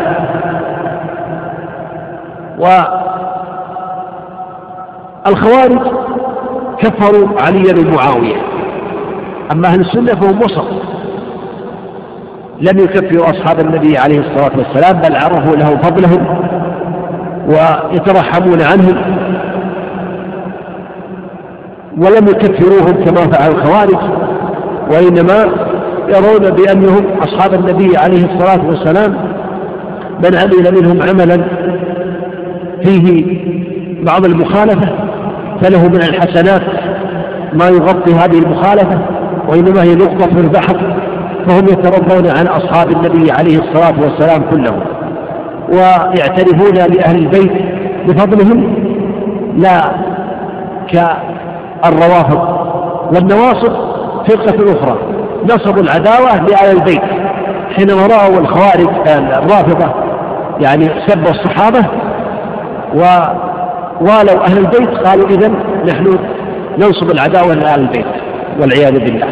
فالخلاصة أن عمل الرافضة عمل قبيح يسبون أصحاب النبي عليه الصلاة والسلام ويلعنونه ويلعنون عائشة والعياذ بالله.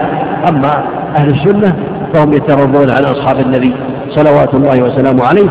ليسوا كالخوارج الذين كفروا علي ومعاوية ولا كالرافضة الذين يرون بأن الإمامة في الأئمة المعصومين وفي علي رضي الله عنه وإنما يقرون لأهل الفضل لأصحاب النبي عليه الصلاة والسلام يترضون عنهم ويعلمون بأن الناس لو عملوا أعمالا كثيرة لا يقدرونها ولا يصلون إلى ما وصل إلى النبي عليه الصلاة والسلام. كما قال لا تسبوا أصحابي هو الذي نفسي بيده لو أنفق أحدكم مثل أحد ذهبا ما بلغ مد أحدهم ولا نصيف نعم وجوب الإيمان بالاستواء والمعية وأنه لا تنافي بينهما وقد دخل فيما ذكرناه من الإيمان بالله الإيمان بما أخبر الله به في كتابه وتواتر عن رسوله وأجمع عليه سلف الأمة من أنه سبحانه فوق سماواته على عرشه علي على خلقه وهو سبحانه معهم أينما كانوا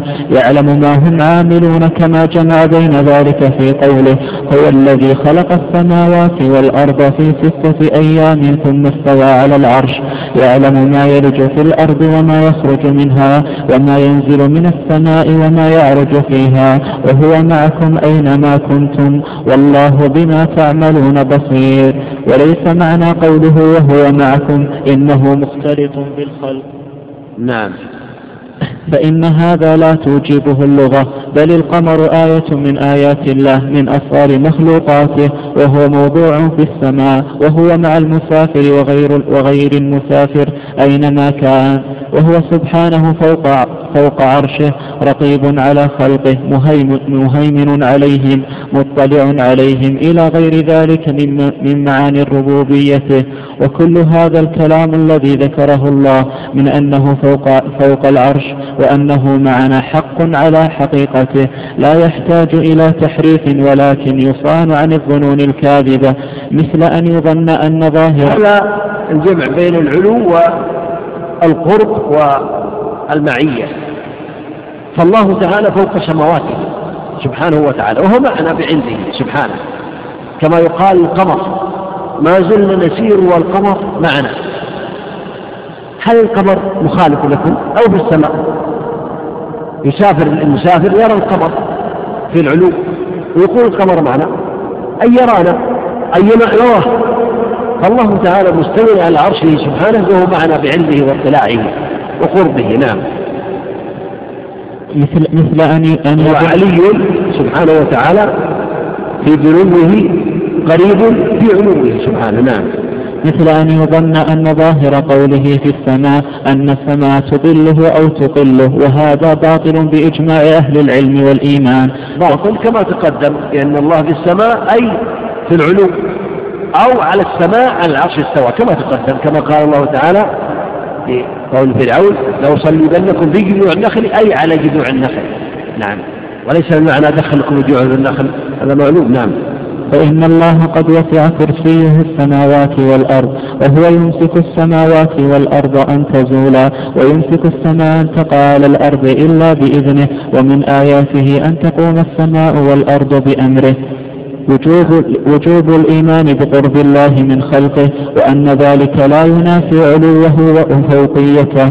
وقد دخل في ذلك الإيمان بأنه قريب مجيب كما جمع بين ذلك في قوله وإذا سألك عبادي عني فإني قريب الآية وقوله صلى الله عليه وسلم إن الذي تدعونه أقرب إلى أحدكم من عنق راحلته وما ذكر وما, وما ذكر في الكتاب والسنة من قربه ومعيته. لا ينافي ما, ما ذكر من علوه وفوقيته. فإنه سبحانه ليس كمثله شيء في جميع نعوته وهو علي في دنوه قريب في علوه. نعم. وجوب الإيمان, وجوب الإيمان بأن القرآن كلام الله حقيقة ومن الإيمان بالله وكتبه الإيمان بأن القرآن كلام الله منزل غير مخلوق منه بدأ وإليه يعود وأن الله تكلم به حقيقة وأن هذا القرآن الذي أنزله على محمد صلى الله عليه وسلم هو كلام الله حقيقة لا كلام غيره. ولا ولا يجوز ولا يجوز إطلاق القول بأنه حكاية عن كلام الله أو عبارة بل إذا قرأه الناس أو كتبوه في المصاحف لم يخرج بذلك عن أن يكون كلام الله تعالى حقيقة. فإن الكلام إنما يضاف حقيقة إلى من قاله مبتدئا لا إلى من قاله مبلغا مؤديا وهو كلام الله حروفه ومعاني. ليس كلام ليس كلام الله الحروف دون المعاني ولا المعاني دون الحروف. هذا القرآن كلام الله تعالى منه بدأ وإليه يعود. تكلم الله به حقيقة بحروفه ومعانيه سبحانه وتعالى. وليس كما يقول بعض الناس بأنه عبارة عن كلام الله أو حكاية عن كلام الله بل هو حقيقة. كلام الله تعالى حروفه ومعانيه منه بدأ وإليه يعود. نعم.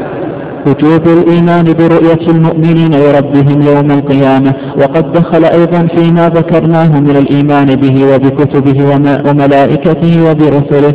الإيمان بأن المؤمنين يرونه يوم القيامة عيانا بأبصارهم كما يرون الشمس صحوا ليس دونها سحاب. وكما يرون القمر ليلة البدر لا يضامون في رؤيته.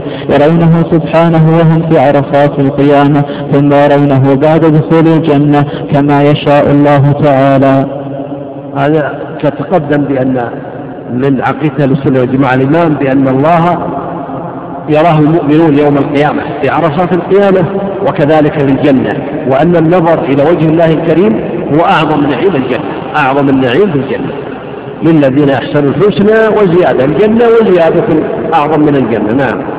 وجوب الإيمان باليوم الآخر وما فيه ومن الإيمان باليوم الآخر الإيمان بكل ما أخبر به النبي صلى الله عليه وسلم مما يكون بعد الموت فيؤمنون بفتنة القبر وبعذاب القبر ونعيمه.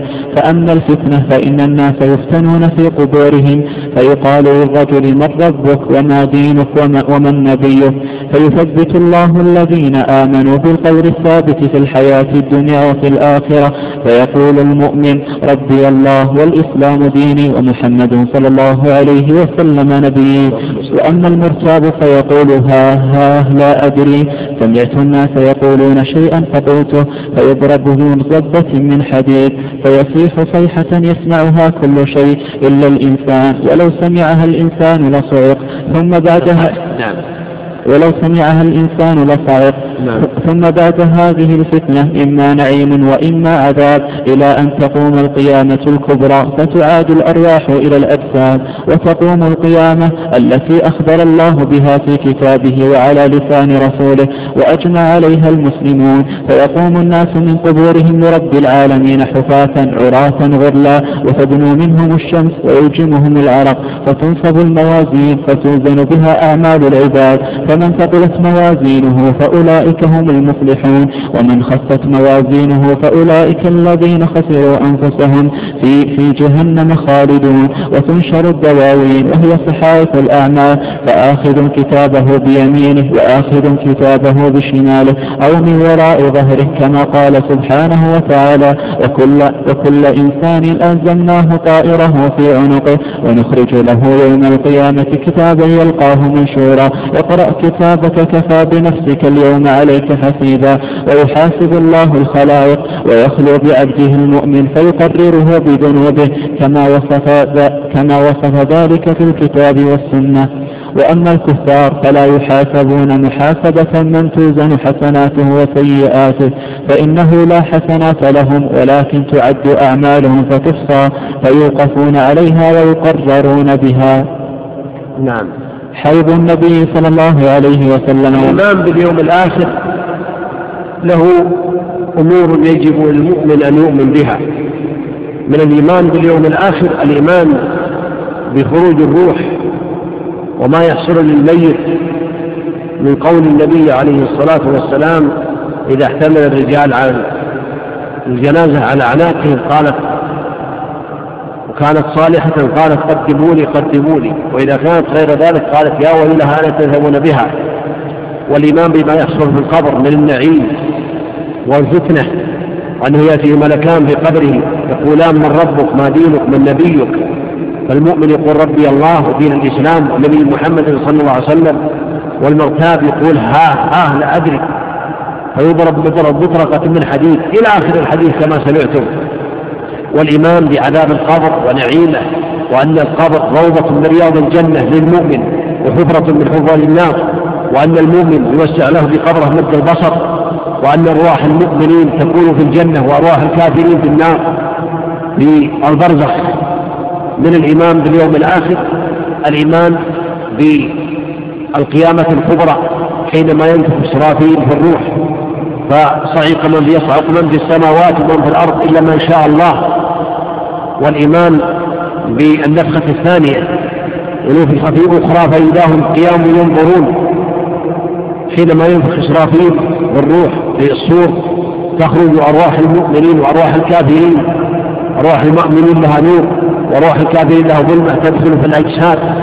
والإمام من الإمام باليوم الآخر خروج الناس من قبورهم عراة عراة حفاة غرلا كما قال النبي عليه الصلاة والسلام. من الإيمان باليوم الآخر الإيمان بعرصات القيامة.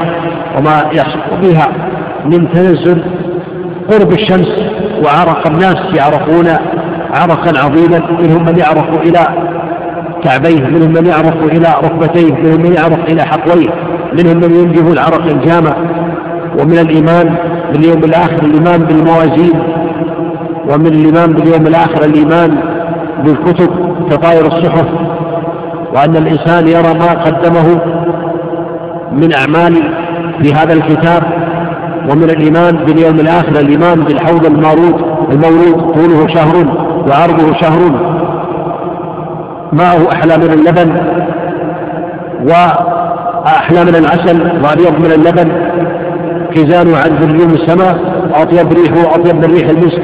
ومن الإيمان باليوم الآخر الإيمان بالصراط وأن الناس يمرون على الصراط على حسب أعمالهم وعلى حسب ما قدموه من أعمال منهم من يمر كالبرق منهم من يمر كلمح البصر منهم من يمر كالبرق منهم من يمر كالريح منهم من يمر كأجاويد الخيل منهم من يمر كركاب الإبل منهم من يمشي مشيا منهم من يسقط على وجهه في جهنم. جسر على النار حد من السيف وحد من السيف وأدق من الشعر. ظلمة لا ليل الظلمة لا قمر لا شمس لا نجوم. وإنما نور الإيمان والعمل الصالح على هذا الصراط ومن الإيمان باليوم الآخر الإيمان بالجنة والنار ومن الإيمان باليوم الآخر الإيمان بالشفاعات.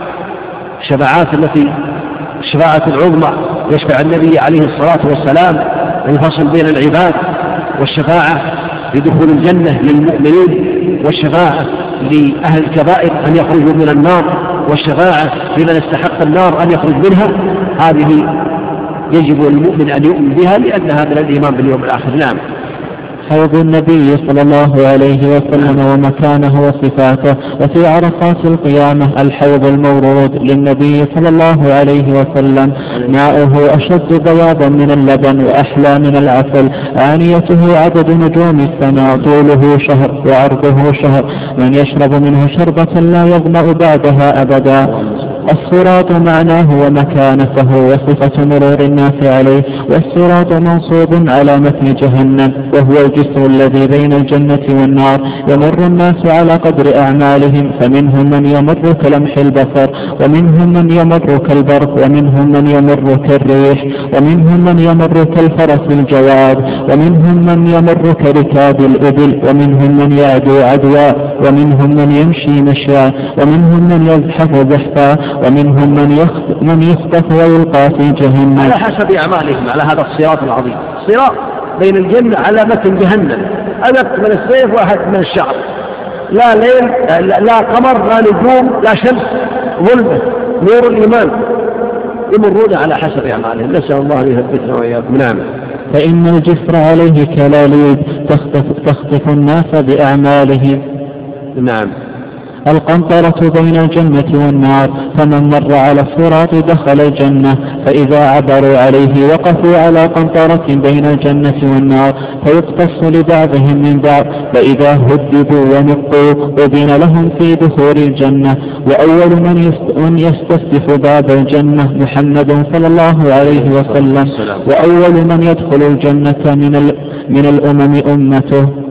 شفاعات النبي صلى الله عليه وسلم وله صلى الله عليه وسلم في القيامة ثلاث شفاعات أما الشفاعة الأولى فيشفع في أهل الموقف حتى يقضى بينهم بعد أن يتراجع الأنبياء آدم ونوح وإبراهيم وموسى وعيسى بن مريم عن الشفاعة حتى تنتهي إليه. وأما الشفاعة هذه الشفاعة العظمى يستفيد منها اليهود والنصارى وجميع المخلوقات جميع من المكلفين في يوم القيامة. يشفع فيه فصل القضاء في موقف عظيم العرق حل بهم وطول الزمان يوم كخمسين ألف سنة. يشفع النبي عليه الصلاة والسلام بعد أن يتراجع الأنبياء في الناس أن يفصل بينهم. ليذهب أهل الجنة إلى الجنة وأهل النار إلى النار. هذه يستفيد من شفاعته كل من في الموقف عليه الصلاة والسلام. نعم. وأما الشفاعة الثانية فأشفع في أهل الجنة أن يدخلوا الجنة وهاتان الشفاعتان خاصتان له وأما الشفاعة الثالثة ولو الشفاعة الثالثة خاصة به شفاعته في عمه أبي طالب. الله تعالى بين بأن الكفار لا تنفعهم شفاعة الشافعين لكن الله جعل النبي عليه الصلاة والسلام شفاعة في عمه أبي طالب فهو في ضحضاء من النار يغلي منه دماغه. ولولا النبي عليه الصلاة والسلام لكان في قعر النار. لكنه شفع في تخفيف العذاب. ثلاث شفاعات خاصة بالنبي عليه الصلاة والسلام. المقام المحمود الذي الشفاعة العظمى والشفاعة في دخوله الجنة والشفاعة في تخفيف العذاب عن أمها طالب أما الشفاعة الأخرى يشترك مع النبيون والمؤمنون والملائكة وهي الشفاعة في إخراج أهل النار منها والشفاعة لمن استحق النار ألا يدخلها من المؤمنين. نعم. فيشفع في من استحق النار وهذه الشفاعة له ولسائر ولسائر النبيين والصديقين وغيرهم. نعم. فيشفع في من استحق النار ألا يدخلها ويشفع في من دخلها أن يخرج منها. إخراج الله بعض بعض بعض بعض العصاة من النار برحمته وبغير شفاعة. ويخرج الله من النار أقواما بغير شفاعة بل بفضله ورحمته ويبقى في الجنة فضل عمن دخل عمن دخلها من أهل الدنيا فينشئ الله لها أقواما فيدخلهم الجنة. وأصناف ما تضمنته الدار الآخرة من الحساب والثواب والعقاب والجنة والنار. وتفاصيل ذلك مذكورة في الكتب المنزلة من السماء والآثار من العلم المأثور عن الأنبياء في العلم الموروث عن محمد صلى الله عليه وسلم. من ذلك ما يشفي ويكفي فمن ابتغاه وجده. الإيمان بالقدر ومراتب القدر وتؤمن الفرقة الناجية من أهل السنة والجماعة بالقدر خيره وشره والإيمان بالقدر على درجتين كل درجة تتضمن شيئين فالدرجة الأولى الإيمان بأن الله الإيمان بالقدر. الإيمان بعلم الله السابق الأزلي.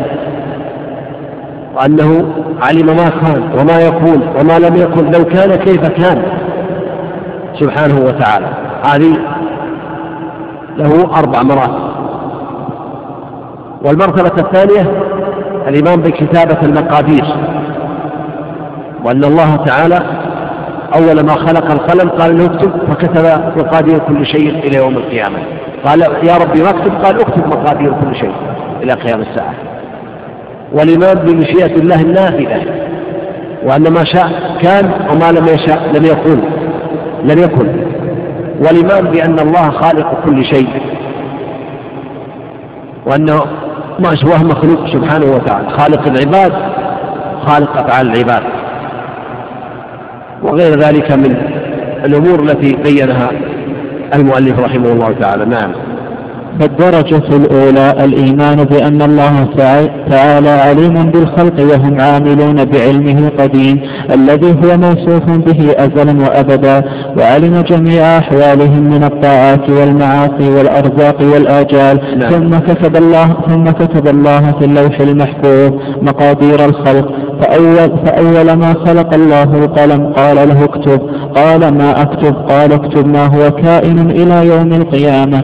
فما أصاب الإنسان لم يكن ليخطئه وما أخطأه لم يكن ليصيبه جفت الأقلام وطويت الصحف. نعم. كما قال كما قال تعالى ألم تعلم أن الله يعلم ما في السماء والأرض؟ إن ذلك في كتاب إن ذلك على الله يسير.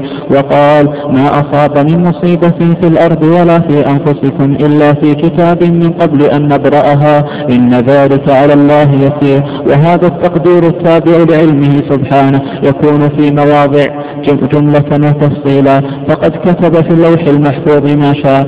وإذا خلق جسد الجنين, الجنين قبل نفخ الروح فيه بعث إليه ملكا فيؤمر بأربع كلمات. فيقال له اكتب رزقه وأجله وعمله وشقي أم سعيد ونحو ذلك. فهذا التقدير قد كان ينكره غلاة القدرية قديما ومنكروه اليوم قليل. وأما الدرجة الثانية فهي مشيئة الله النافذة وقدرته الشاملة وهو الإيمان بأن ما شاء الله ما شاء الله كان وما لم يشأ لم يكن وأنه ما في السماوات وما في الأرض من حركة ولا سكون إلا بمشيئة الله سبحانه لا يكون في ملكه ما لا يريد وأنه سبحانه على كل شيء قدير من الموجودات والمعدومات فما من مخلوق في الأرض ولا في السماء إلا الله خالقه سبحانه لا خالق غيره ولا رب سواه ومع ذلك فقد أمر فقد أمر العباد بطاعته وطاعة رسله ونهاهم عن معصيته.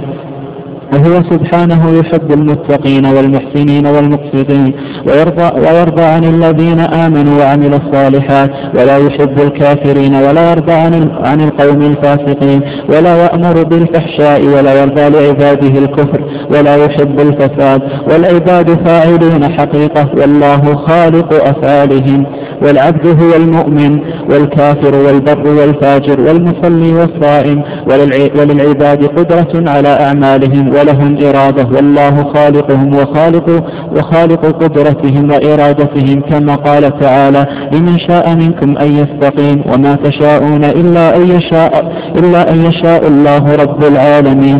وهذه الدرجة الدرجة من القدر يكذب بها عامة القدرية الذين سماهم النبي صلى الله عليه وسلم. مجوس هذه الأمة ويغلو فيها قوم من أهل الإثبات حتى سلبوا العبد قدرته واختياره ويخرجون عن أفعال الله وأحكامه حكمها ومصالحها.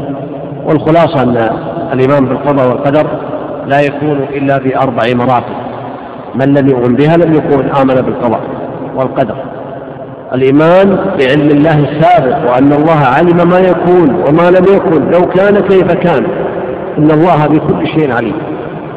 والإيمان بأن الله كتب كل شيء في اللوح المحفوظ.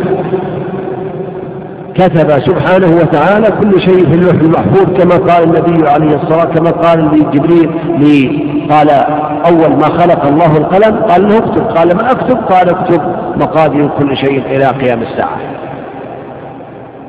والإيمان بمشيئة الله النافذة وأن ما شاء كان وما لم يشاء لم يكن وما تشاءون إلا يشاء الله رب العالمين. والدرجة الرابعة أو المرتبة الرابعة الإيمان بأن الله خالق كل شيء وما سواه مخلوق سبحانه وتعالى. ولا أحب أن أطيل عليكم ويبقى بعض الفصول ولعل الله تعالى أن يسر إتمامها في وقت آخر. أسأل الله الذي لا إله إلا هو بأسماء الحسنى والصفات العلى أن يوفقنا وإياكم لطاعته وأن يرزقنا العلم النافع والعمل الصالح وأن يجعلنا وإياكم من أهل السنة